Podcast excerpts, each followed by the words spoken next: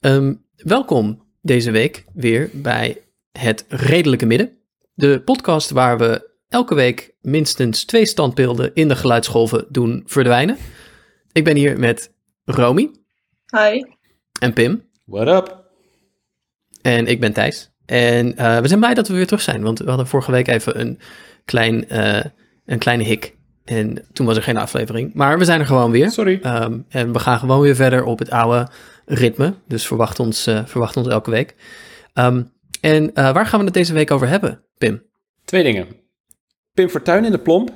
En zijn alle Wouten fouten? Oké. Goeie vraag. Het is belangrijk om dat als vraag te formuleren. Mhm, Want als je zou zeggen, alle Wouten zijn fouten, of acht is hypothetisch. dan, dit is Ja. hypothetisch, ik zeg niet dat het zo is, maar als je dat zou zeggen, dan Oh. eh, pleeg je eigenlijk belediging van een ambtenaar in functie, en dat is een strafbaar feit. Mm, Ja, vrijheid van meningsuiting, peoples. Wauw. Ehm, dat, is, eh, dat is heftig. Maar daar komen, we, daar komen we op. Want we gaan het eerst hebben over de beeldenstorm die door Nederland raast. Ehm, waar eh, bij mijn beste weten nog nul beelden zijn gesneuveld. Eh, als ik dat goed ehm, Nou, we hebben begrepen. Dus het is, het is voor- vooral voor een soort beeldenstorm van de betrekkingswaan van, eh, van, van Nederland. Ehm, maar misschien moet ik daar niet het over hebben, want ik zit er op een afstandje van. Romy, jij bent onze correspondent beeldenstorm, geloof ik. Eh, Eh, ja. kun, jij, kun jij ons ter plaatse van een, een, een, een update voorzien? Ehm, nou, volgens mij is het in Nederland eh, op dit moment vooral het bekladden en het neerhalen van standbeelden. Niet per se het volledig vernielen. Moet ik eerlijk zeggen dat ik dat ook niet heel zeker weet. Maar ik weet dat het standbeeld van Pim Fortuyn in Delfshaven, Rotterdam, is beklad. Koen is... JP Koen. ehm, ja, JB Is die Koen. neergehaald? Nee, hij, was, hij is beklad volgens mij. Ja. En daar, is die actie, daar heeft een actiegroep heeft dat geclaimd. Ja, en toen, en toen zei Mark Rutte van, ja, je moet ze niet in het IJsselmeer gooien. Ja, precies. Maar eigenlijk, ehm, eigenlijk zijn die bekladdingen een soort ja, eh guerrilla-vorm van alvast zeg maar de noodzakelijke extra bijschrift te doen. Zodat de context wat meer eh, tot zijn recht komt. Toch? Dat vind ik wel een beetje een shitlip oplossing, in alle eerlijkheid. Van mij mogen Dat is ze... gewoon een grapje. Van mij mogen dus Pim Fortuyn, JP Koen, Michiel de Ruiter, allemaal recht, niet in het IJsselmeer, maar in een van de andere wateren die Nederland rijk is. Oké, waarom niet in het IJsselmeer specifiek? Heb je Ja. iets van, eh, dat is misschien niet leuk voor de vissen daar? Mag nou, niet van dat Rutte. Oh ja. Moeten wel naar Rutte luisteren. ja. Ja, Rutte heeft een beetje een dubbele houding. Hè? Aan de ene kant wil hij een revolutie, aan de andere kant wil hij tijd zeggen wat niet mag. Ik bedoel, Hoe zeg jij dat ook weer? In Nederland is er geen revolutie omdat je hier niet op het gras mag lopen. wordt toegeschreven aan Marx, maar is niet van Marx. Het is gewoon apocrief ergens ooit, eh, ooit bedacht. Maar de, de grootste kritiek op het neerhalen van beelden van Mhm. radicaal rechts tot eh, shit links, is dat we dan aan geschiedvervalsing doen, aan censuur. Maar is dat zo? Nee, is onzin. Omdat eh, geschiedenis is sowieso geen op zichzelf staand eh, feit of zo. Dat is niet iets wat tastbaar is of wat je kan bestuderen. Maar Ja. geschiedenis is ook eh, de strijd om de herinnering en wie, wie wat te zeggen heeft. En geschiedenis is eigenlijk gewoon een opeenvolging van politieke keuzes. Eh, we, we hebben die standbeelden neergezet vanuit een bepaalde politieke overtuiging. Meestal eh Ja. 100 jaar geleden. Eh 19e eeuw zo ongeveer. Ehm, als ehm, manier om een idee van een nazistaat te creëren. En eh, het heeft verder niks met de historische gebeurtenis aan zich te maken. Het is echt puur eh, welke figuren in de geschiedenis kiezen wij uit om te vereren. En eh, daar is de strijd over. En die strijd is net zo goed onderdeel van eh, de eh, het historisch verloop als het neerzetten van die beelden. Oké, dus jij zegt, jij zegt eigenlijk, de hele wordingsgeschiedenis van die beelden is er een van, ehm, zeg maar, al die beelden die worden op een gegeven moment dan opgericht door lokale inzamelingen en collectes en zo, omdat er een enorme nationalistische wind waait door Nederland. Ja, zo, tenminste, ehm, op het moment dat eh, Nederland is gaan centraliseren en eh, nationalisme opkwam, was er Ja. behoefte aan het eh, creëren van een historisch eh, geheugen, zeg maar. Om, je moet je toch baseren, je moet je natiestaat toch baseren en legitimeren. Dus wat ga je dan doen? Dan ga je de geschiedenis ga je, erbij pakken en dan ga je kijken van wat karakteriseert Nederland nou en waar, waar zijn we trots op? En dat zijn natuurlijk hele, eh, dat zijn keuzes die je dan maakt, want eh, waarom zetten we de ene, geven we de ene wel een standbeeld en de ander niet? Dat zijn Ja. gewoon keuzes die je maakt en eh, daar wordt, dat is gewoon heel selectief en dat is het altijd geweest. Ja, ja want uiteindelijk is, je zei ook van, we hebben in de 19e eeuw eh, bepaald wie er dan zogenaamd de Nederlandse natiestaat moet eh, belichamen. Welke historische figuren. Maar die we is natuurlijk niet een, een dwarsdoorsnede van de samenleving. Het zijn bepaalde groepen, belanghebbenden, die er waarschijnlijk meer zeggenschap over hebben gehad. Ja, dat waren inderdaad eh, toen al zeg maar, de mensen die het, voor het, die het politiek voor het zeggen hadden. Want die hadden er baat Hmm. bij om eh, een, eh, maar, een bureaucratisch apparaat en voor de belastingen. En, ehm, en daarbij een gevoel van eenheid, zodat mensen ehm, bij elkaar konden worden gehouden en dat er over geregeerd kon worden. Dus het eh, is altijd een gevolg geweest van een soort top-down beslissing, beslissingsproces. Ja, ja en het zegt, het zegt dus ook echt iets over wie, ehm, wie er toen aan de macht was, wat de dominante cultuur was en, en wat die ehm, machtige groepen of dominante groepen in de samenleving het, eh, wat die belangrijk vonden om ehm, te vereren. Ehm, en ja, in het geval van sommige van die beelden is dat dan een soort, eh, is dat dus een van, van alle eh, werkelijke historische context gepasteuriseerde versie, terwijl er dan tegelijkertijd wel, als je, dan je afvraagt van oké, maar wat is dan de reden om deze mensen te vereren? Ja, dan blijkt daar toch een heel duidelijke reden achter te zitten. En dat is dan bijvoorbeeld omdat dit soort figuren eh, betrokken zijn geweest bij de eh kolonia de totstandkoming van het eh, koloniale rijk van Nederland, et cetera. Waar natuurlijk deze groepen ehm, ja, dan toch heel veel van hun gestolen welvaart aan te danken hebben. Ja, het is, het is geen universeel beeld van de geschiedenis. Het is een heel eenzijdig beeld van de geschiedenis. Ha, Ja, beeld. Ja, ja, en het vertelt dus altijd het nationale verhaal. Ja. De, de nationale kanon, zeg maar, die wordt er altijd in vertolkt en niet eh, de schaduwzijde daarvan. En ehm, dan moet je ook niet vergeten dat het nationalisme is ehm, ongeveer in dezelfde. Of ehm, het moment dat we echt van nazistaat gingen spreken, dat viel samen met imperialisme en kolonialisme. Dus ehm, daardoor zijn ook juist die eh, slavendrijvers eh, hebben die een standbeeld gekregen, omdat die het, het koloniale rijk vertegenwoordigden en de, de grootheid van de natie, zeg maar. Eh, Ja.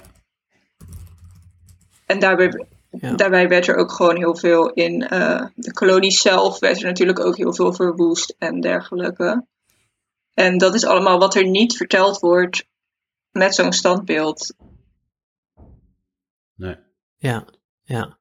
Ja, en, en, en om, om, om even nog verder door te gaan op die, op die relatie die jij zegt van, van ja, die, ehm, de oprichting van die standbeelden is dus rechtstreeks gekoppeld aan, niet aan, aan een soort eh, werkelijke kritische herinneringscultuur, maar juist aan een heel selectieve nationalistische herinneringscultuur. Ja, ze, de, de Ehm, standbeelden die zijn niet opgezet om, omdat, we een, eh, omdat we mensen van geschiedenis, eh, dat we mensen geschiedenis wilden leren of zo. Het heeft geen educatief doel. Het is echt puur een politiek Nee, in, machtsvertoon. tegendeel, je zou kunnen zeggen, het heeft een soort het heeft een soort, het is een soort dre- dreigement van dit is een held en, en waag het niet om ehm, ja, het verleden van deze persoon ehm, in twijfel te trekken. Hè? Of, of eh, waag het niet om de reden waarom we deze persoon op een ehm, voetstuk zetten eh, te, te vereren. Ik moet dan ook altijd denken aan, ehm, aan een wijk uit de gemeente waar ik ben opgegroeid, Apeldoorn. Uh, daar heb je een, uh, op het is een prachtige buurt, maar die, de parkenbuurt, en die is gebouwd onder andere met de vermogens die in uh, Nederlands-Indië zijn gejat. Um, en daar heb je nog steeds een straat die heet Generaal van Heutslaan. terwijl die man is gewoon verantwoordelijk voor verschrikkelijke massaslachtingen. Ja. Um, en, maar ja, het is natuurlijk niet voor niets dat de mensen die hun fortuin uit Indië hadden onttrokken en terug kwamen naar Nederland uh, ja, zo hoog opgaven van, van die persoon. Um, en hem graag met een straatnaam wilde, wilde eren. Want ja, hij had het mogelijk gemaakt dat die koloniale extractie um, doorgang kon vinden. Um, dus dat, dat, ja. dat steekt er ook heel erg achter, denk ik. Wat je ook zei over die uh, voetstukken. Het creëert inderdaad door bepaalde figuren te kanoniseren, door die gelijk te stellen als het ware met de Nederlandse identiteit creëer een soort van, uh, enerzijds een waarheid, een algemeen aanvaard idee van wat Nederland is natuurlijk, maar maak je mm -hmm. ook uh, alle geweld die erachter schuil gaat, soort van onzichtbaar. Doordat je die kritiek, uh, doordat je kritiek erop, die, doordat je de kritiek erop zo onbespreekbaar maakt, kun je in feite die misdaden onbesproken laten. Ja, precies. Ja. En ja. dat zie je ook bij uh, de Confederate States in Amerika. Want uh, die hebben natuurlijk de burgeroorlog destijds verloren. Maar de standbeelden van de generaals en dergelijke, die mochten blijven staan. En uh, daar um, verzamelen nog steeds conservatieve en racistische groeperingen verzamelen zich daaromheen. Ja. Um, en op die manier blijf je toch... Um, dat deel van je geschiedenis, zeg maar het stuk waarin je de slavernij hebt afgeschaft, dat blijft onbesproken. Ja. Ja. Ja. Het is dus eigenlijk een poging om het debat te doen verstommen, de oprichting van zo'n, van zo'n standbeeld. Om te zeggen, dit is iets heiligs, je mag er niet, um, je, je mag het niet aanraken. Je mag er alleen voor knielen en een bij de benzinepomp gekocht bloemetje voor, voor neerleggen. Uh, ter, ter verering van, van de misdaden van deze mensen. Um, dus het is een soort anti-geschiedenis ook. Ja, maar het, zal, het ja. zal niet met die insteek uh, zullen de standbeelden niet zijn opgericht. Die, ik denk dat die gewoon wel tot stand komen in de tijdgeest, zeg maar. Uh, dus de tijdgeest van het nationalisme en het willen vertellen van een nationaal verhaal om mensen te verbinden, uh, eenwording, uh, een gevoel van eenwording uh, creëren. Maar dat het nu, omdat wij de geschiedenis door het nationalisme op een voetstuk plaatsen ook, dat dat dan daardoor een soort heiligschennis wordt om die beelden te bekritiseren. Maar ik denk dat de, de oorspronkelijke uh, het oorspronkelijke idee achter die standbeelden is gewoon het vertellen van een geschiedverhaal. Ja. Maar omdat wij daar nu heel krampachtig mee omgaan, wordt het, krijgt het inderdaad automatisch weer die status van je mag er niet aan zitten. Ja. ja. Vind, ik, vind ik wel heel mild. heel mild oordeel eigenlijk. Maar ik ben heel genuanceerd. Ja, dat weet ik. Ik ben, heel, ik ben helemaal redelijk midden. Dat, dat, dat siert je ook. Maar je ziet die, uh, die krampachtigheid dat deze vorm van geschiedenis eigenlijk onaantastbaar zou moeten zijn. In uh, de mensen die die standbeelden komen verdedigen. In Nederland had je bijvoorbeeld Feyenoord supporters die uh, met hun bomberjacks en stoere brede lichamen en boze koppen om het standbeeld van Pim Fortuyn gingen staan. Met de boodschap als je aan Pim komt, dan, nou ja, impliciet timmeren je in elkaar.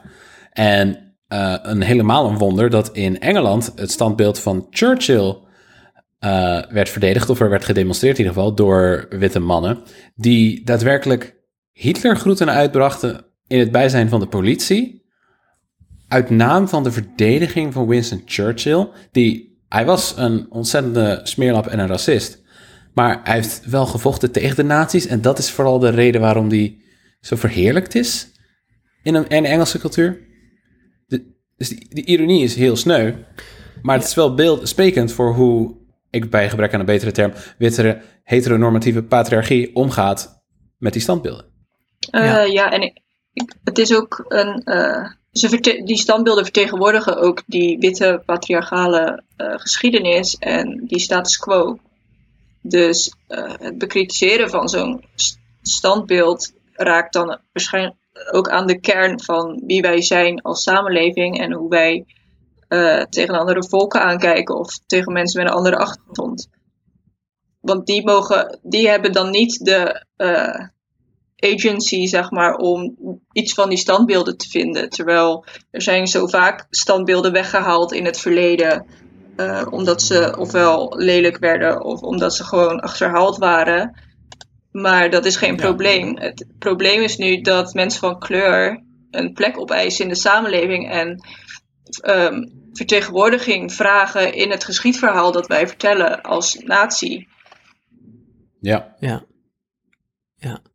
Dus het is, het is werkelijk ook ehm, bijna in, in tastbare zin een soort strijd over de plaats van, ehm, van iedereen in, in de samenleving. Dus dat, Ja, het is gewoon een strijd over de herinnering van de geschiedenis. En eh, het, het geschiedenisverhaal dat we tot nu toe hebben verteld, eh, dat is de geschiedenis van de witte man in Nederland. En eh, we zijn nu met meer mensen. eh, en die verdienen ook, eh, en die eisen dat nu ook, dat zij ook, dat hun kant van de geschiedenis ook verteld wordt. ja, ja we, we zouden er alleen maar wijzer van worden. Het Absoluut. zou alleen maar een rijker verhaal zijn. ja. Ja, die scènes uit Engeland, die waren ook heel, eh, heel bizar om te zien, inderdaad. Ehm, ja. Ja, ik, ik, ik, ik blijf, ehm, en Romy, jij zult het ook wel herkennen, denk ik, want wij ehm zijn allebei historici, maar ik blijf me verbazen over hoe makkelijk mensen toch in die, ehm, in die volstrekt absurde eh, bewering trappen dat als je een standbeeld eh, weghaalt ergens, dat je dan eh, de geschiedenis uitwist of aan geschiedvervalsing doet of, of op de een of andere manier schade toebrengt aan, ehm, aan de geschiedenis. Eh, die, die, een bewering die met, met volstrekt droge ogen en heel veel eh bombast door, wordt. door eh, Rutte en door ja. Groot Wassink in Amsterdam. Ja, dat was ook Allebei. nog teleurstellend. De grote Wasik die daar, die daar gewoon in meeging. Ja, Ja, precies hetzelfde argument ook als Rutte. Van we moeten de geschiedenis niet. je kunt de geschiedenis niet uitwissen. Maar nou ja, die standbeelden, dat zijn geen eh, gevolgen van historische gebeurtenissen. Dat Nee. zijn. nou, ja, je kunt geschiedenis niet uitwisselen. Wissen. Eh, als er nou iets is wat die standbeelden doen, dan is het wel de geschiedenis Ja, uitwissen. Ja. Ja, want, want ik, ik zie zo'n standbeeld en denk, ah, deze man zal wel iets, iets, eh, ja, iets verdienst, eh, verdienstelijk hebben, hebben gedaan. En dan word je pardoes helemaal afgeleid van het feit dat die man helemaal niets verdienstelijk heeft gedaan, maar iets gruwelijks en wreeds. Ja, absoluut. Ehm, zoals in het geval van de generaal van Heutslaan en, en ja. ja. ja. maar het zijn, het zijn geen historische monumenten of zo. We hebben die zelf gemaakt, dus we kunnen die ook weer zelf afbreken. Ja. Ja. Ja, en dan, Ja, dan heb je nog die rare bewering van, nou, als we nu standbeelden gaan afbreken, moeten we dan ook de piramides van Gizeh eh, gaan, gaan afbreken? Of moeten we dan het Colosseum in Rome gaan afbreken? Dat is ook volstrekte, volstrekte Ja, dat nonsens alsof die ja, twee precies. vergelijkbaar zijn. Het ene is historisch erfgoed, hè, zo'n Colosseum, dat door eh, daadwerkelijk in een bepaalde tijd is, is gebouwd. En die standbeelden niet, die zijn pas veel, veel later, zoals jij ook zegt, ongeveer 100 jaar Ja. geleden zijn die allemaal neergezet. Ehm, met een specifiek politiek doel. Dus dat, is, dat zijn ook weer twee onvergelijkbare grootheden. Die, die kun je helemaal niet met elkaar vergelijken.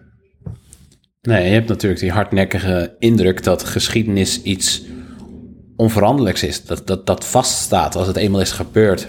Nou ja, dan c'est la vie. En hetzelfde geldt met cultuur natuurlijk. Want er wordt ook naar die beelden gekeken als, als artefacten, als, als kunstvoorwerpen.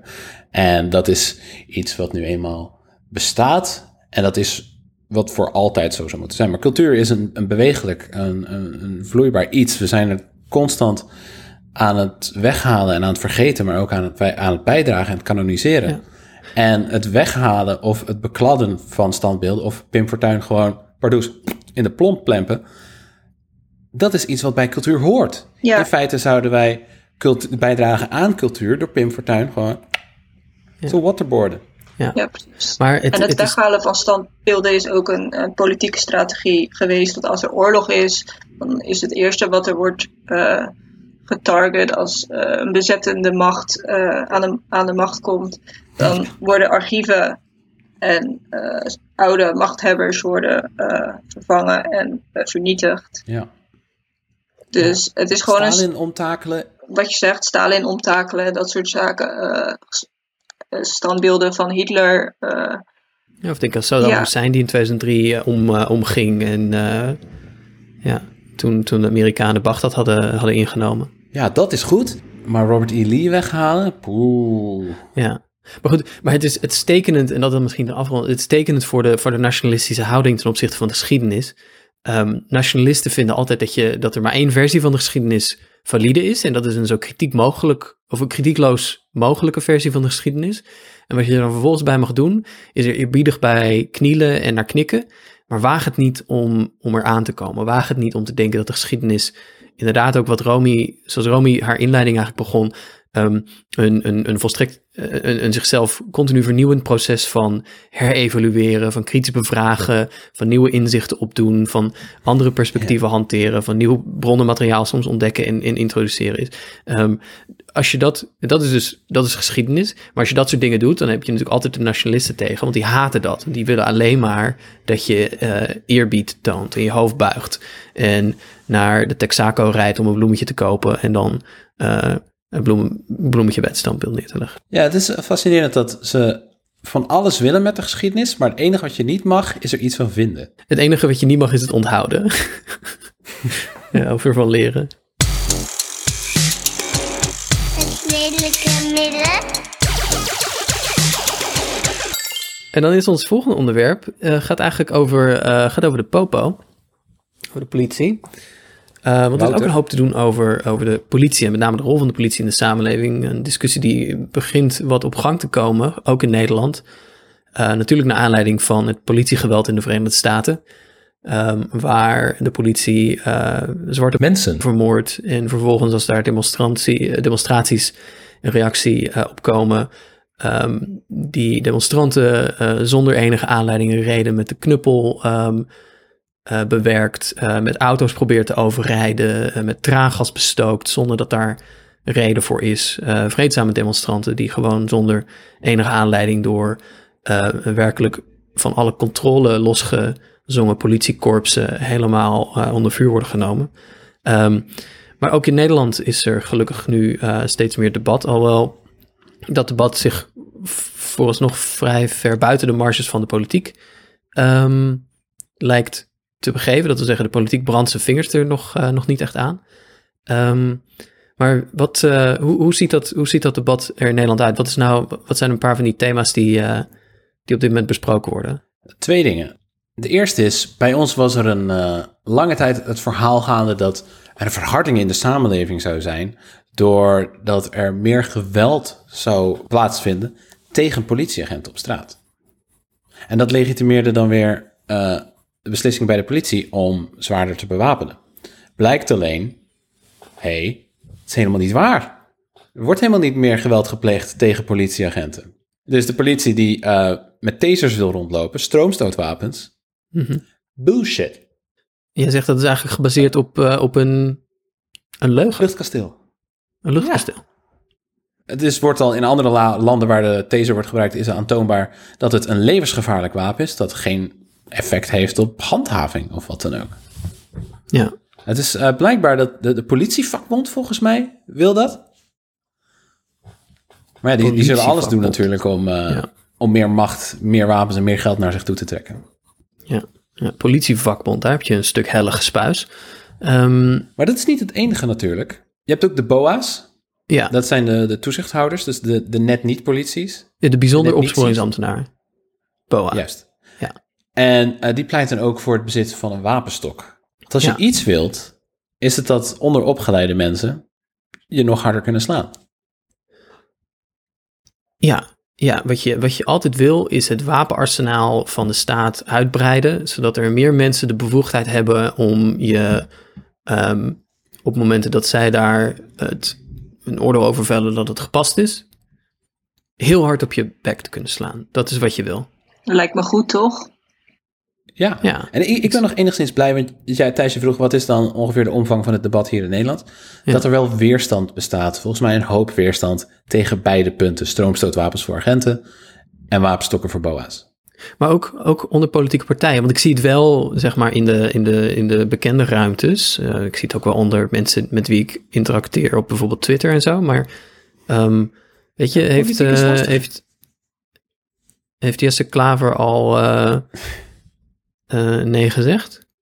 En Asher? Nou, er is een, eh, een ander voorbeeld. Er is ook een wet doorgedrukt al in de Tweede Kamer over dat er eh, politieagenten meer beschermd worden wanneer ze geweld hebben gebruikt bij hun arrestaties of in politiehechtenis. Agenten die, die geweld of hun dienstwapen gebruiken, moeten niet meer automatisch verdachten zijn, is wat die wet voorstelt.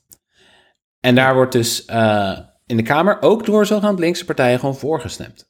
Ja, want wat, wat betekent dat? Want dat klinkt heel, ehm, dat klinkt heel, heel vreemd. Ehm, maar wat betekent dat in de praktijk? Betekent dat dus in de praktijk dat het nu, als er, ehm, als die vorm van geweld is gebruikt, dat agenten automatisch onderdeel worden van een, van een onderzoek? En dat dat dan nu niet het geval is? Dat lijkt het wel op. En eh, even om, om credit due where credit's due. Ehm, wij, wij hebben het hierover en we weten dit, maar dat is niet omdat wij zelf nou ons huiswerk zo goed hebben gedaan, maar dat komt omdat onder andere de eh, stichting Controle Alt Delete, ehm volgens op Twitter, Mhm. ehm, CAD, eh, eh, ongelooflijk veel goed documentatiewerk heeft gedaan en hier veel aandacht voor, voor vraagt. Ehm, onder andere voor kritiek heeft op het uitrusten van de politie met een stroomstootwapen. Kritiek, uit, kritiek levert op etnisch profileren, wat een wijdverbreid en nog altijd niet opgelost fenomeen is onder de politie. Hmm. eh, die inderdaad ook deze eh, wet bekritiseert en onder de aandacht brengt van hé, hey, er gebeurt hier iets en het wordt weggemoffeld en niemand wil het erover hebben. Maar ehm, dit is ook weer een enorme versoepeling van ehm, ja, de, de, eh, de, de regelgeving rondom het gebruik van eh, politiegeweld. Dus ja, volg ze op Twitter, zodat je op de hoogte blijft ook van hun werk en hun, hun nieuws. Ehm controle alt delete. We zullen hun eh, ook even in de show notes zetten. Ehm, Ja. maar dat is wel, ehm, ja, dat is, ik zou zeggen, het is frappant. dat juist in een periode dat ook allemaal Nederlandse politici ehm, hun solidariteit betuigen en, en, en, en, en mooie woorden spreken over Black Lives Matter in de Verenigde Staten, dan Ja. op het moment dat het onze eigen bodem bereikt, de Nederlandse bodem, niet thuisgeven of zo. Dat is ook. Eh, maar er bestaat dus ook het idee in Nederland dat onze politie wel meevalt vergeleken met die in de Verenigde Staten. Maar er is hier even goed sprake van institutioneel racisme Ja, bij de politie. Wat was dat ook weer, eh, het verhaal van die chef die, eh, die opstapte omdat die eh, Akerboom, die werd er een beetje moe van dat hij bij de top de hele tijd moest aankaarten dat er last was van intimidatie, discriminatie, seksisme en moslimfobie, volgens trouw, eh, maar dat er toch niet naar wordt geluisterd. En er is een, eh, ook een, een aardige lijst die rondgaat nu op Nederlands Twitter bijvoorbeeld, van namen van mensen in Nederland, mensen van kleur, die zijn gedood door politiegeweld. En we kennen denk ik ook nog wel dat, eh, dat incident, dat, dat hele grote incident, dat Typhoon in zijn auto werd aangehouden omdat hij in een wat duurdere auto, auto reed een aantal jaren terug. Dat sprak echt witte mensen aan. Dat was chockerend. Ja. Ja, maar ook, ook toen de reactie van, ja, eh, wa- was het, dat waren VVD-politici die toen zeiden, ja, als je niet wit bent en je rijdt in een dure auto, ja, dan vraag je er misschien een beetje om om aangehouden te worden door de politie. Het hoort er gewoon bij. Ja, Ja, ja, dat is een beetje de wierduk logica. Het had waar kunnen zijn. het had waar kunnen zijn. Oh ja, god man, verschrikkelijk. Het leed dat weer Duk heet. Sorry. Ehm, Dat is, dat is de enige keer dat ik die naam in deze hele podcast ga gebruiken. Het is, ik heb mijn, mijn joker ingezet. Nee, maar het, het, de, de indruk rijst wel bij mij, eh, want we hebben het over institutioneel racisme bij de Nederlandse politie, dat op het moment dat dat zich voordoet aan de andere kant van de Verenigde Staten, waar dat een fenomeen is dat zowel ehm, endemisch is, als ook wel goed gedocumenteerd. We weten het. Hè? Er is journalistiek over, er is academisch onderzoek naar. Ja. Terwijl in Nederland ja, lijkt het alsof we nog maar het topje van de ijsberg te pakken hebben. Er is onderzoek gedaan, academisch onderzoek, onder andere door Sinan Sankaya. Ehm, maar eh, verleden jaar ehm, stapte, ehm, stapte de, eh, een, of, ja, een klokkenluider bij de politie, die, stapte, eh, die moest opstappen. Want ja, die kreeg geen voet aan de grond. En uiteindelijk de conclusie daarvan is dat de agenten die verantwoordelijk waren voor de misstanden op politiebureau Hoefkade in Den Haag, ehm, Ja. Ja. die zijn minder gestraft nu, milder gestraft na aanleiding van intern onderzoek. Dus het wordt gewoon met de mantel der liefde bedekt. En de klokkenluider is, eh, is weg. Eh, dat was teamchef ehm, eh, Fatima ehm um, Aboulouafa, die, die daaraan de bel trok en uiteindelijk het veld moest ruimen. Ehm, dus ja, dan weet je, ja, institutioneel racisme in de, in de Nederlandse politie, het wordt gewoon toegedekt en de mensen die het aankaarten, die worden... ehm, ehm, die wordt het leven zuur gemaakt en het leven onmogelijk gemaakt. En ik geloof zelfs dat, ehm, eh, ik zou het even moeten nazoeken, zoeken, maar dat bijvoorbeeld Sinan Sangaya op het moment dat hij dat onderzoek ging publiceren, ook echt tegenwerking heeft ervaring van de politie. Ja. Want Sangaya die legde bloot dat er sprake is van structurele eh, etnisch profileren bij de politie, structureel racisme bij de, eh, bij de politie. En de politie die, ehm, ja, die was er natuurlijk helemaal niet van gediend van die conclusie en die heeft hem tegen zitten werken. Ehm, Ja. Maar dat eh, institutioneel racisme bij de politie, dat is geen toeval, toch? Ehm, nou, ik denk dat dat wel een heel plausibele stelling is. Als je bedoelt dat eh, onze samenleving wordt gedefinieerd door witheid, dan ja. En dat ehm, het uitwerken of de uitvoerende macht dan juist die vooroordelen eh, naar die vooroordelen handelt, dan Ja. ja. Het is eigenlijk een heel wonderlijk instituut, ehm, de politie. Ehm, en heeft ook een, eh, nou, heeft ook een, een, een wat weet wel, wel een interessante voorgeschiedenis. Ehm, maar de politie zoals we die kennen is een product van langzame opbouw die begint in de 19e eeuw. En in Nederland eh, begint dat eigenlijk in, in de Franse tijd. Op het moment dat het Napoleon, eh, het, het, het Franse keizerrijk, eh, de Nederlanden inlijft. En daar ook zijn eigen functionarissen naartoe stuurt. En, en allerlei juridische vervormingen doorvoert. En dan krijgt Nederland ook een geheime politie. En die wordt erg gehaat. Ehm, en een gegeven moment wordt dan, als de Fransen zijn verslagen en Nederland eh, als onafhankelijke staat wordt hersteld, eh, worden daar wel wat hervormingen doorgevoerd. En de, op zich de ehm, politie wordt wel weer wat uitgekleed. En ook die geheime politie, gehate geheime politie, die verdwijnt uiteindelijk goed deels.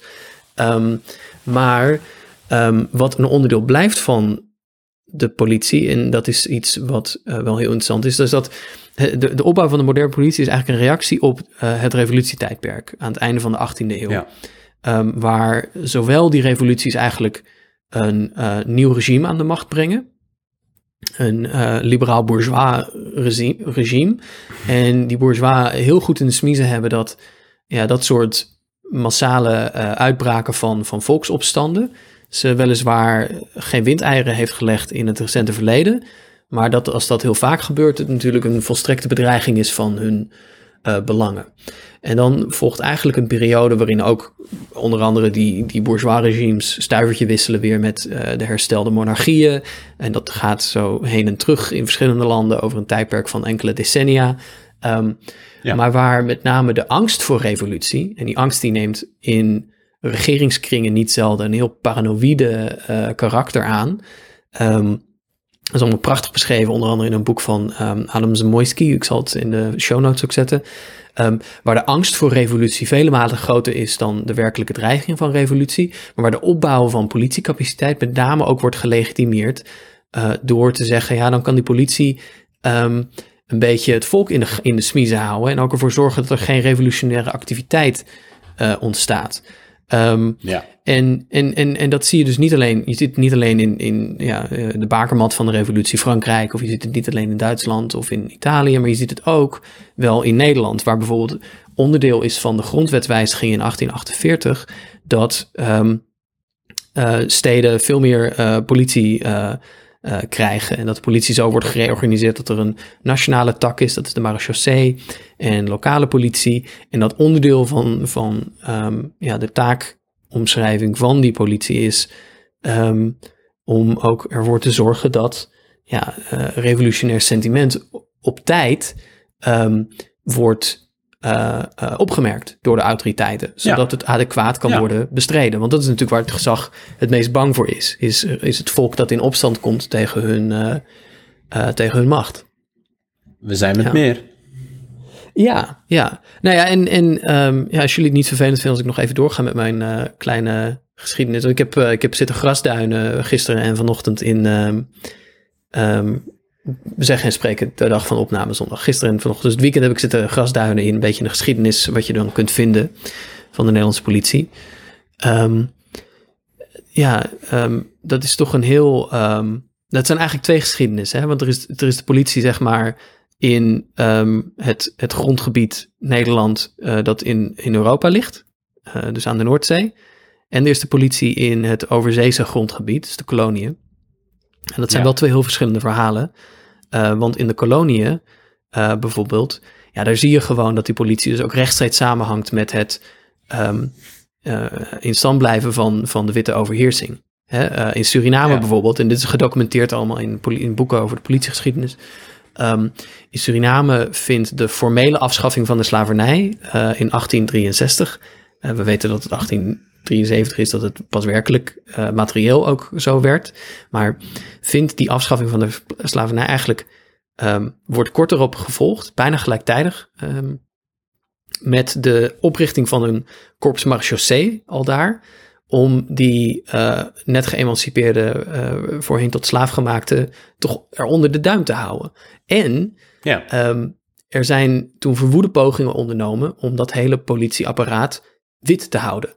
Ehm, en er was dus ook sprake van verschillende divisies in die Surinaamse politie. Witte, eh, witte eh, takken. En ehm, ja, soms moest het lokaal bestuur ook een beroep doen op ehm, de, ja, wat, wat, dan, wat ze toen dan eh, inlanders noemden. Hè? Dus dat ging gewoon over de bevolking van Suriname, omdat die de talen spraken.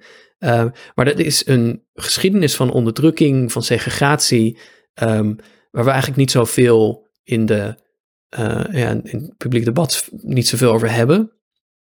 Maar die samenhangt met de uitbreiding van die politiecapaciteit. In, in Nederlands-Indië hetzelfde verhaal. Um, in Nederlands-Indië werden, um, werd er ook lokaal wel gerecruiteerd voor de politie, uh, maar werd daar een enorme verdeel- en heersstrategie toegepast door de Nederlandse gezagshebbers. Die gingen dus bijvoorbeeld Ja. van het ene eiland recruten halen om op een ander eiland politie te spelen, zodat, um, ja, zodat dan een verdeel- en heersstrategie kon worden toegepast.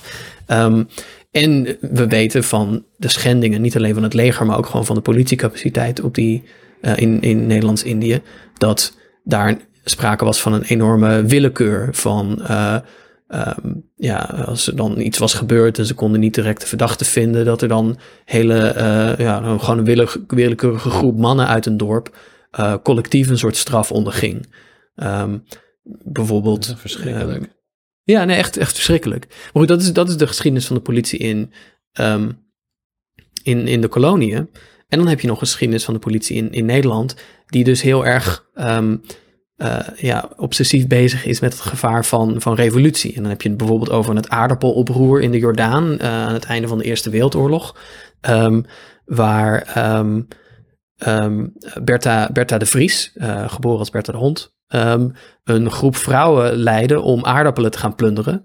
Hmm. En, want er was een uh, ernstig voedseltekort. en uh, daarna ook de arbeiders gingen staken uit solidariteit met de vrouwen in de Jordaan. En de politie gewoon daar keihard op terugslaat. Het Jordaanoproer in de jaren 30, um, zelfde, zelfde verhaal. Hè? Daar, daar dreigt een volksopstand en de politie wordt daar ingezet om uh, keihard die opstand te onderdrukken. En daar wordt bijvoorbeeld onder andere ehm, de redactielokalen van een uh, lokaal communistisch blad wordt, uh, worden vernietigd en de, de, pers wordt onklaargemaakt om maar te zorgen dat die ja. opstand wordt neergeslagen. Weet je, daar vallen ongeveer heel veel doden. En wat nou zo typerend is, is als je kijkt naar de geschiedenis van dit soort incidenten, dit soort opstanden, is dat eigenlijk op elk van die momenten in um, nasleep van, die, um, van, van dat geweld de politie meer wapens krijgt, zwaarder wapentuig, meer budget. Dat gebeurt in uh, 18, of dat gebeurt in 19, uh, 1917, 1918. Dat gebeurt na het Jordanoproer in 1934. Maar het gebeurt ook, in, dan wordt namelijk de voorloper van de mobiele eenheid opgericht. Met zware, zware bewapening. Uh, maar het gebeurt ook in 1966, hè, als de trouwerij van ja. uh, prinses Beatrix en uh, Klaus daar op een veldslag uitdraait. Maar goed, dan komt er een commissie. En die commissie die zegt, nou, het is slecht gesteld met, de, met de professionaliteit van het korps. En um, het korps is ook vervreemd van de maatschappij. dat, komt, ja, dat veroorzaakt deze tegenstellingen. Uh, en het resultaat is dat voor het eerst uh, waterkanonnen en panzerwagens worden aangeschaft. dus de politie is eigenlijk een uniek instituut door de geschiedenis heen, dat in reactie op een totaal dysfunctioneren meer geld en zwaardere wapens krijgt. Maar dat zien we nu dus ook weer. Hè? Er is veel te doen rondom de politie. De politie gebruikt zwaar geweld. Er zijn politiedoden die ook in Nederland vallen. Er is institutioneel racisme. Er is een cultuur van toedekken. En wat doet de Tweede Kamer? Die zegt, ja, laten we die mensen stroomstootwapens geven. Het is absurd. Het is werkelijk uh, gewoon verzaking van je plicht als volksvertegenwoordiger om niet je budgetrecht te gebruiken en te zeggen, dikke middelvinger, als jij je zaken niet op orde hebt, dan krijg je het komend jaar minder geld. En het jaar erop weer minder geld. Het jaar erop weer minder geld. Dat zou de Kamer moeten ja, doen. Politiek is het punten scoren natuurlijk. We kennen allemaal, gaan ze lekker boeven vangen. En dat is wat een, uh, een grote groep van uh, het, het, het conservatieve, kiesgerechtige Nederland wil. Een politie. Ja, maar ook de, ook de bange kleinburgers die op GroenLinks en de PvdA stemmen hoor, met alle respect. Ja, ik, ik denk dat de politie in Nederland best wel een positief uh, beeld uh, heeft. Omdat het toch het, het, het mythische idee van uh, handhaven en boeven vangen, dat dat toch wel ja, dat het toch wel gewaardeerd wordt of zo. Of dat dat toch wel een, een beeld is dat bestaat van de politie. Van mensen die het goede ja. willen doen en die rechtvaardigheid willen brengen. Wat trouwens een heel wit idee is. Maar... Want ik, uh, je, je hebt daar misschien een paar verhalen van gehoord, maar het is volgens mij niet heel erg bekend. Is dat de Nederlandse politie aardig heeft meegewerkt met het vangen en deporteren van Nederlandse Joden. In uh, de Anne Frank Stichting bijvoorbeeld, die uh, vermeldt op een website dat uh, 1 op 4 van de Nederlands gedeporteerde Joden gevangen is door de Nederlandse politie. Waarbij dat bijvoorbeeld in België veel minder is. Ja. En zij wijten dat aan de deels aan de groter aandeel. Uh, oh nee, aan een. Uh, nee, sorry. En ik las bijvoorbeeld in een interview met het Historisch Nieuwsblad dat het echt um, kwam omdat de Nederlandse politie dacht: laten we ons maar een beetje inschikken. Laten we ons een beetje aanpassen aan de nieuwe situatie, oftewel een buitenlandse bezetting. Ja. En daarvoor hebben ze dus hun eigen landgenoten ter dood veroordeeld. En Ja. het is, uh, dan denk je van ja, die agenten zijn allemaal veroordeeld. Maar in datzelfde interview lees je dan bijvoorbeeld dat er uh, jonge officieren waren die maar uh, die het vuile werk deden of wilden doen, die dan eind jaren 60 gewoon op belangrijke posities waren terechtgekomen binnen de politie. Ja, en daar werd ook echt Eind niet over 60 gesproken. al. Dat was heel erg een soort. ehm, ja, daar, daar heerste een soort stiltecultuur rondom. Zeker de eerste jaren na de oorlog. Ja, Ja, En daarna en iedereen in het Probeer dus, als je nu dus- googelt op, ehm, ja, wat, wat heeft de politie eigenlijk gedaan in de Tweede Wereldoorlog? De populairste hits zijn allemaal, hey, er waren ook goede agenten, grijs verleden, grijs verleden. Ja en ik, ik, zat, ik zat nog te lezen in een publicatie, ook eh, wat eerder. En daar stond ook van ja. eh, er, werd, er werd even de opmerking gemaakt bijna terloops van ja, in Nederland is er nog weinig aandacht voor de geschiedschrijving van de politie. En, eh, en dan werd dat gecontrasteerd met de Verenigde Staten en het Verenigd Koninkrijk en Duitsland, waar die aandacht er wel is. En in Nederland is het een handjevol specialisten. Ehm, en ehm, waar, waar soms heel goed werk en kritisch werk wordt gedaan, maar geloof ik ook wel vaak veel werk wordt gedaan door mensen die ja, toch aan een soort hobbymatige interesse aanvankelijk bij het onderwerp terechtkomen. Ehm, en waar je misschien wel de vraag kunt stellen, nou wordt dit werk nou gemotiveerd door sympathie voor de politie of door eh, kritisch perspectief? Ehm, ja, maar in Nederland, Romy, jij maakte wel een goede opmerking daarover, vond ik. In Nederland heeft, hebben we heel erg het idee dat de politie een soort, ja, toch een beetje. Is dat nou ooit een officiële slogan geweest? De politie is je beste vriend. Ehm, dat die politie er voor jou is en zo. En volgens mij, als ik me niet vergis, heb je ook die videoclip van Fluitsma en van Tijn van, van 15 miljoen mensen, waar dan iemand speels een politiepet afpakt en zo. En het ook helemaal geen consequenties heeft. En een beetje, een beetje, wordt een beetje gedolden, een beetje gelachen.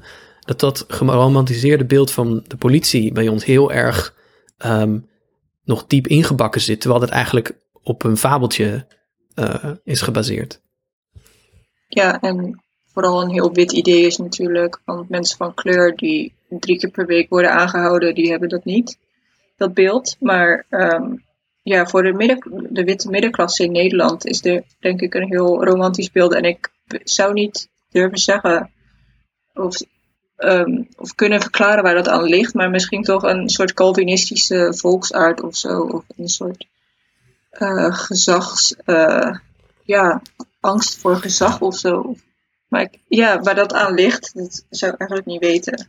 Maar ik denk wel dat dat een heel eh, vastgeroest idee ja, is in en misschien Nederland. kun je het gewoon ook materieel uitleggen. Kijk, als jij tot de witte middenklasse behoort, dan is de politie er inderdaad voor jou. Ehm, je, zult, eh, je, zult zelden, je zult zelden staande worden gehouden. Je wordt niet preventief gefouilleerd. Je wordt niet aangepakt. Ehm, als je een, ehm, als je een, een, een, een, vreemd verdacht type in je buurt ziet, dan ga je natuurlijk de politie bellen. Dus dan is die politie er inderdaad voor jou. Ehm, en de enige keer waarin je met de politie te maken hebt, is als je een boete krijgt omdat je met je Audi te hard over de A1 hebt gereden. Of dat je met een slok op eh, van de vrijdagmiddagborrel terugkomt. Maar dat is het wel. Ehm, en dat is dan, hè, dan, ja, dan, dan, dan snap ik dat dat inderdaad niet op je, op je netvlies is. Maar dat betekent niet dat de werkelijkheid niet, eh, niet anders is en, en er niet, eh, niet is. Ja.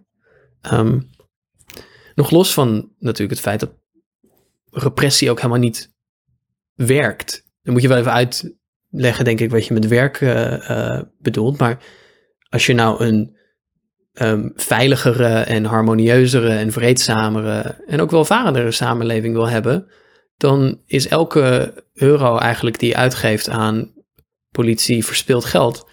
Weet je, wil dat geld uitgeven aan onderwijs, aan eh, sociaal werk. Ehm, soms wil je het geld uitgeven aan goede, ehm, eh, goede psychologische hulp voor, voor groepen mensen, eh, geestelijke verzorging.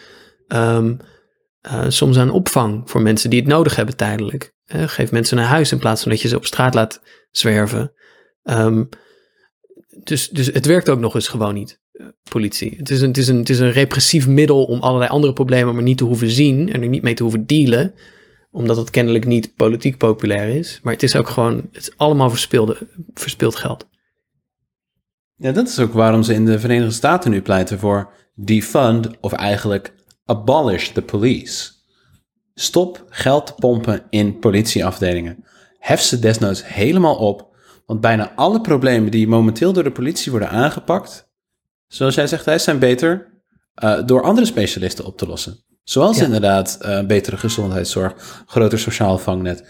Inderdaad, wanneer er een, eh, een, een zogenaamd verwarde man bij de, de Nederlandse bank loopt, dan zou je er eigenlijk iemand op af willen sturen die getraind is om psychologische hulp te opbrengen, psych- psychologische ondersteuning. Wat wij doen is, of in de VS nog meer natuurlijk, is gewapende mensen met gebrekkige training erop afsturen. Ja, Heel en, mensen die dus ook, ehm, zoals ze dan, want jij noemt die casus van de Nederlandse bank, dat was vorig jaar. Mensen die dus dan ook later zeggen, ja, ik was echt in paniek. en, en, en dan schoten, schoten lossen. Ehm, ehm, ik weet niet of dat onderzoek overigens al is afgerond naar wat daar nou helemaal precies is, eh, is gebeurd. Maar er, er loopt geloof ik een onderzoek naar. Maar wat, wat hallucinant was van de week in de Verenigde Staten is dat de politievakbond in New York een statement, woest statement verspreidde.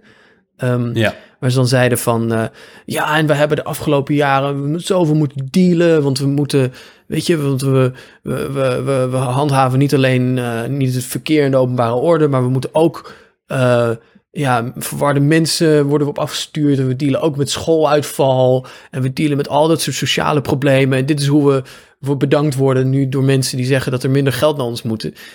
Maar hallucinant, hallucinante redenering dat ze dus zelf niet begrijpen dat als je uh, geen geld uitgeeft aan goede voorzieningen, uh, aan ervoor zorgen dat mensen dus niet uit het onderwijs verdwijnen, um, dat je ervoor zorgt dat mensen die psychische problemen hebben niet op straat komen en dan inderdaad in het vizier van de politie komen, um, dat het inderdaad uh, niet op het bordje van de politie zou moeten liggen. En dat het dus ook betekent ja. minder geld, of geen geld, abolish the police, um, naar, naar de politie. Ja. Ja, want in, in uh, de stadsbudgetten bijvoorbeeld van verschillende Amerikaanse steden, zoals New York, is het absurd haast hoe ontzettend oververtegenwoordigd de politie daarin is. Er gaan miljoenen, miljarden naar de politie. Mil, die steken gewoon ja. met kop en schouders boven de staafgrafieken uit. En dan Ik, echt kleine, kleine steepjes, kleine dubbetjes, een paar eurotjes naar onderwijs, naar brandveiligheid, naar zorg. Dat is, het is onverklaarbaar. Het is niet onverklaarbaar, maar het is onverdedigbaar. Nou ja, het is onverdedigbaar, maar het is wel verklaarbaar als je dan als je begrijpt dat de politie historisch een instituut is dat bij elk falen meer geld krijgt. Um, ja. En ja, maar goed, um, uh, ja, dat, dat, dat, dat geldt. Kijk, in Nederland heeft de politie toch een ander. Wel, ik wil zeggen, de Nederlandse politie is de Amerikaanse politie niet.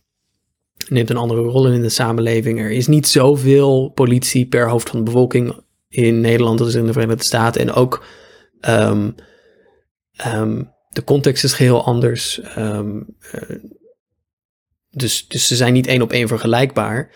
Maar ik heb wel eens het idee dat die gedachten, ze zijn niet vergelijkbaar, ertoe leidt dat in Nederland dus um, toch ook een beetje kritiek op de politie wel wordt afgedaan met van ja, we zijn toch Amerika niet. Hè?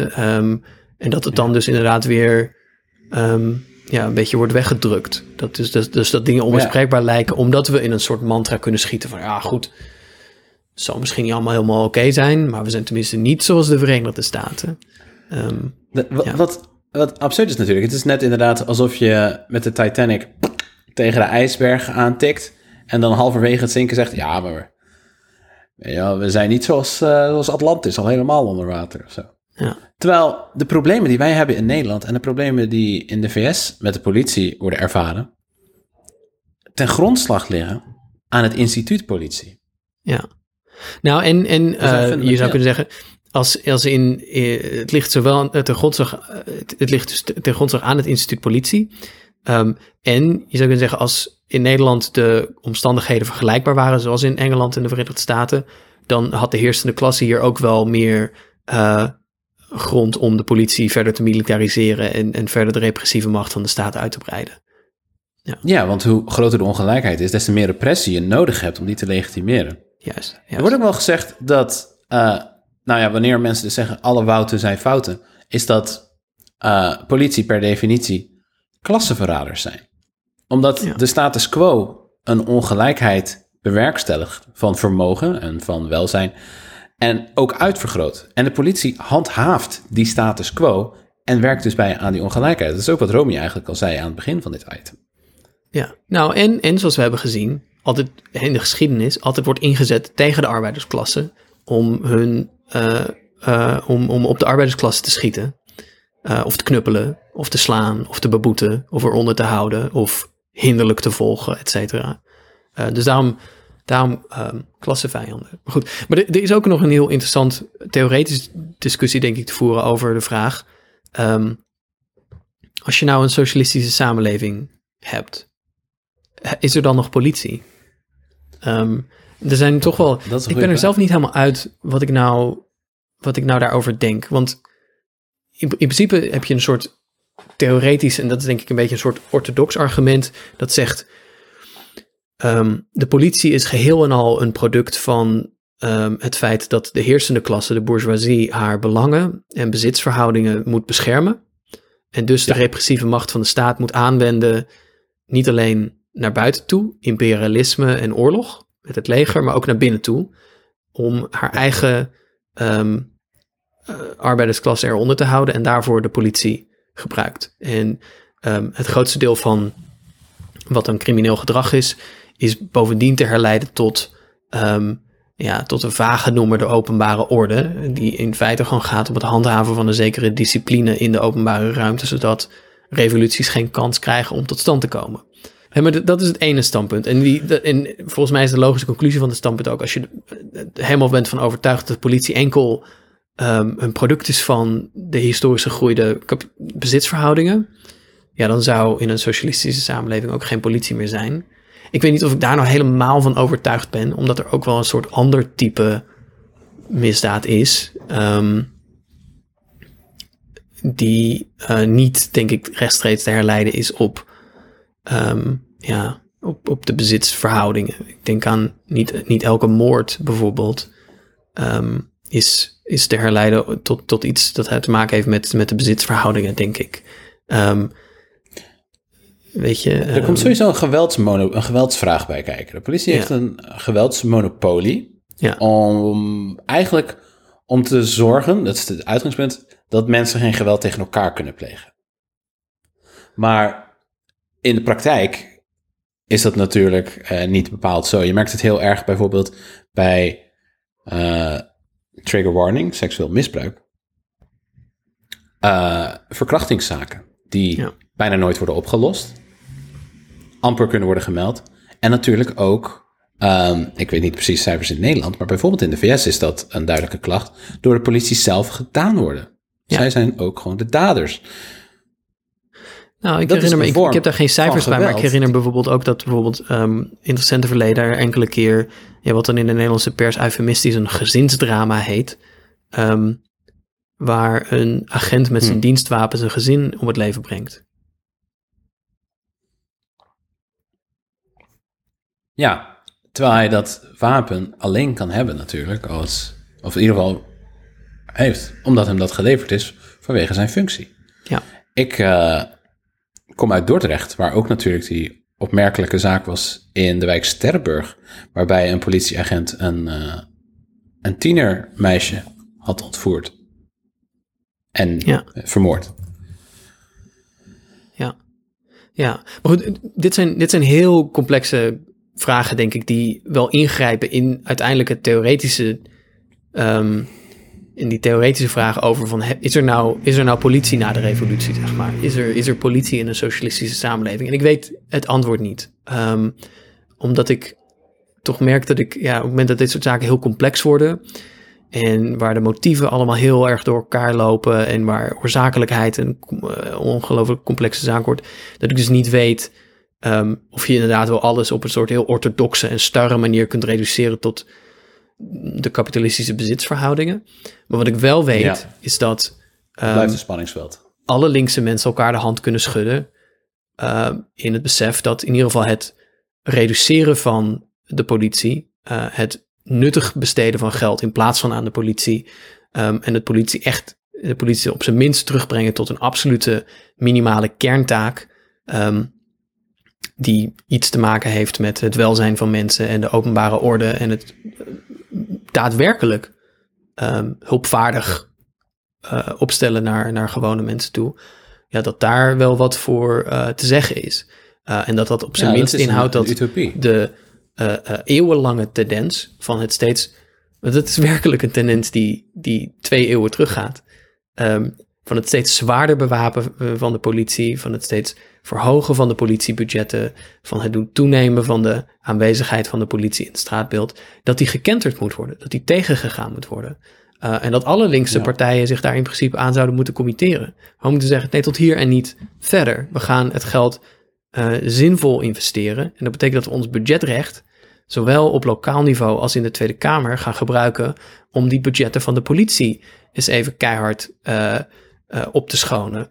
En, en er is nu meer dan ooit, zou ik zeggen, uh, reden toe. De politie vergrijst en moet naar eigen zeggen, dus de, als we de politie op zijn woord geloven, de komende jaren iets van 15.000 agenten opleiden. Um, Wat redelijk nou, van je dit. ja, nou gaan we gewoon zeggen nee, mooi niet. Uh, een uitstekend moment om via een soort natuurlijke afvloeiing ehm, het, de, de, de politiemacht te verkleinen. Dat is een uitstekend idee. Ehm, en als je dan zegt, als de politie dan zegt, ja, maar dan kunnen we allerlei belangrijke dingen niet doen. Nou, ga dan maar motiveren wat echt belangrijk is en dan gaan we het er een keer over hebben. Maar het idee dat het een soort natuurlijk proces zou moeten zijn dat de politie allemaal groter wordt en allemaal meer uh, aanwezig is, is een volstrekt uh, absurd idee. En ook niet een democratisch idee, wat mij betreft. Omdat het alleen maar, um, omdat het voortkomt uit ja, het verlangen om te controleren en te domineren. En in ieder geval een heel lange en vieze voorgeschiedenis heeft. Ik vind het in ieder geval fijn dat zo'n idee als defund the police, abolish the police, zo'n anarchistisch idee ineens gemeengoed wordt. Ja. Maar dat het toch weer op, op zoveel weerstand uh, stuit bij zelfs de uh, zogenaamde touwtjes in de brievenbus mensen, die ook eigenlijk sceptisch zouden moeten zijn tegen concentratie van macht en die het liefst een soort van wijkagent situatie zouden zien, dan zou een defund the police idee, waarbij dus die concentratie van geweldsmacht wordt opgebroken, zou als muziek in de oren moeten klinken.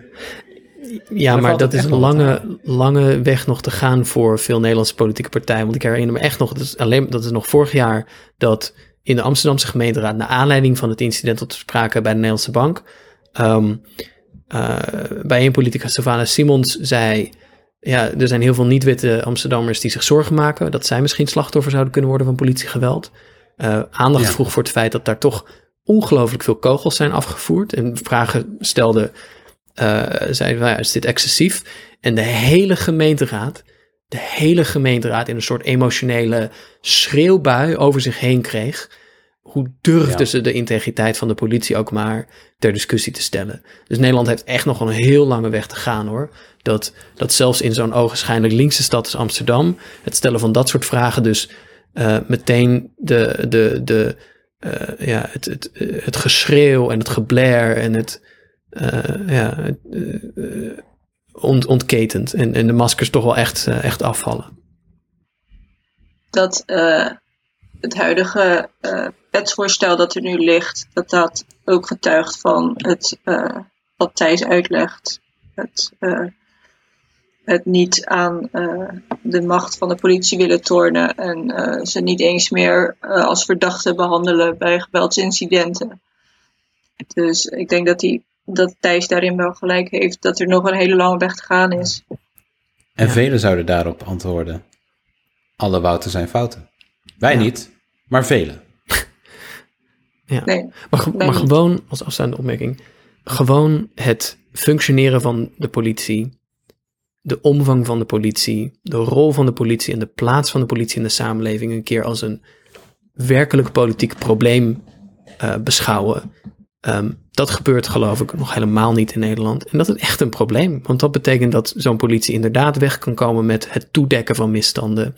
Um, omdat het zich er altijd verzekerd, ver, van verzekerd weet dat um, bij kritiek uh, een, een gemeenteraad of een Tweede Kamer de rijen sluit en bijna als één man achter de politie gaat staan. Nou ja, dat is een recept, denk ik, voor corruptie, voor misstanden, voor slecht functioneren. En als je ze zwaarder wapentuig geeft, zoals een stroomstootwapen, ook voor escalerend geweld.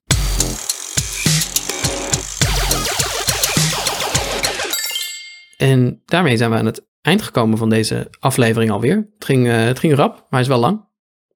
Dat betekent dat het tijd is voor het redelijke midden van deze week.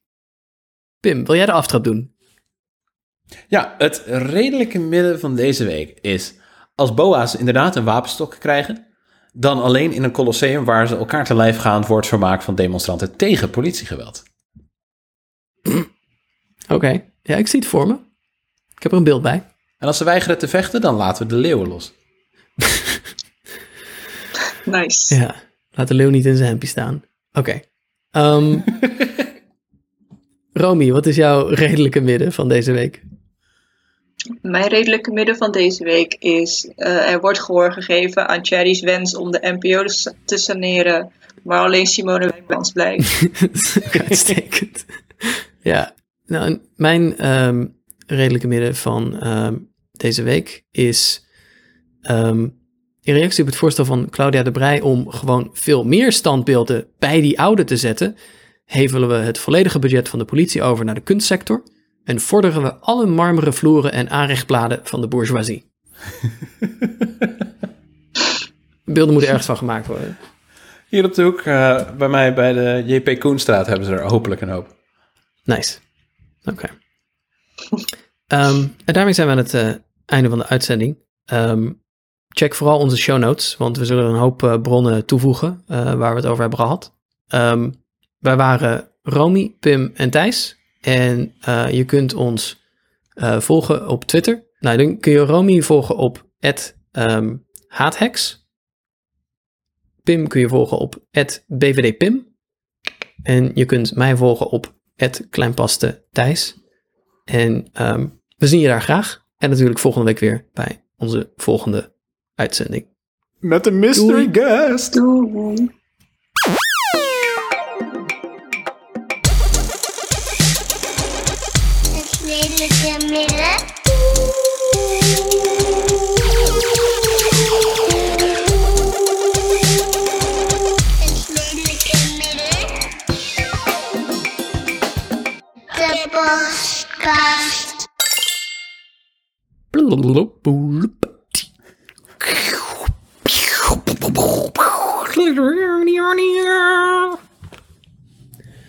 Dat is een hoofdstukbreak.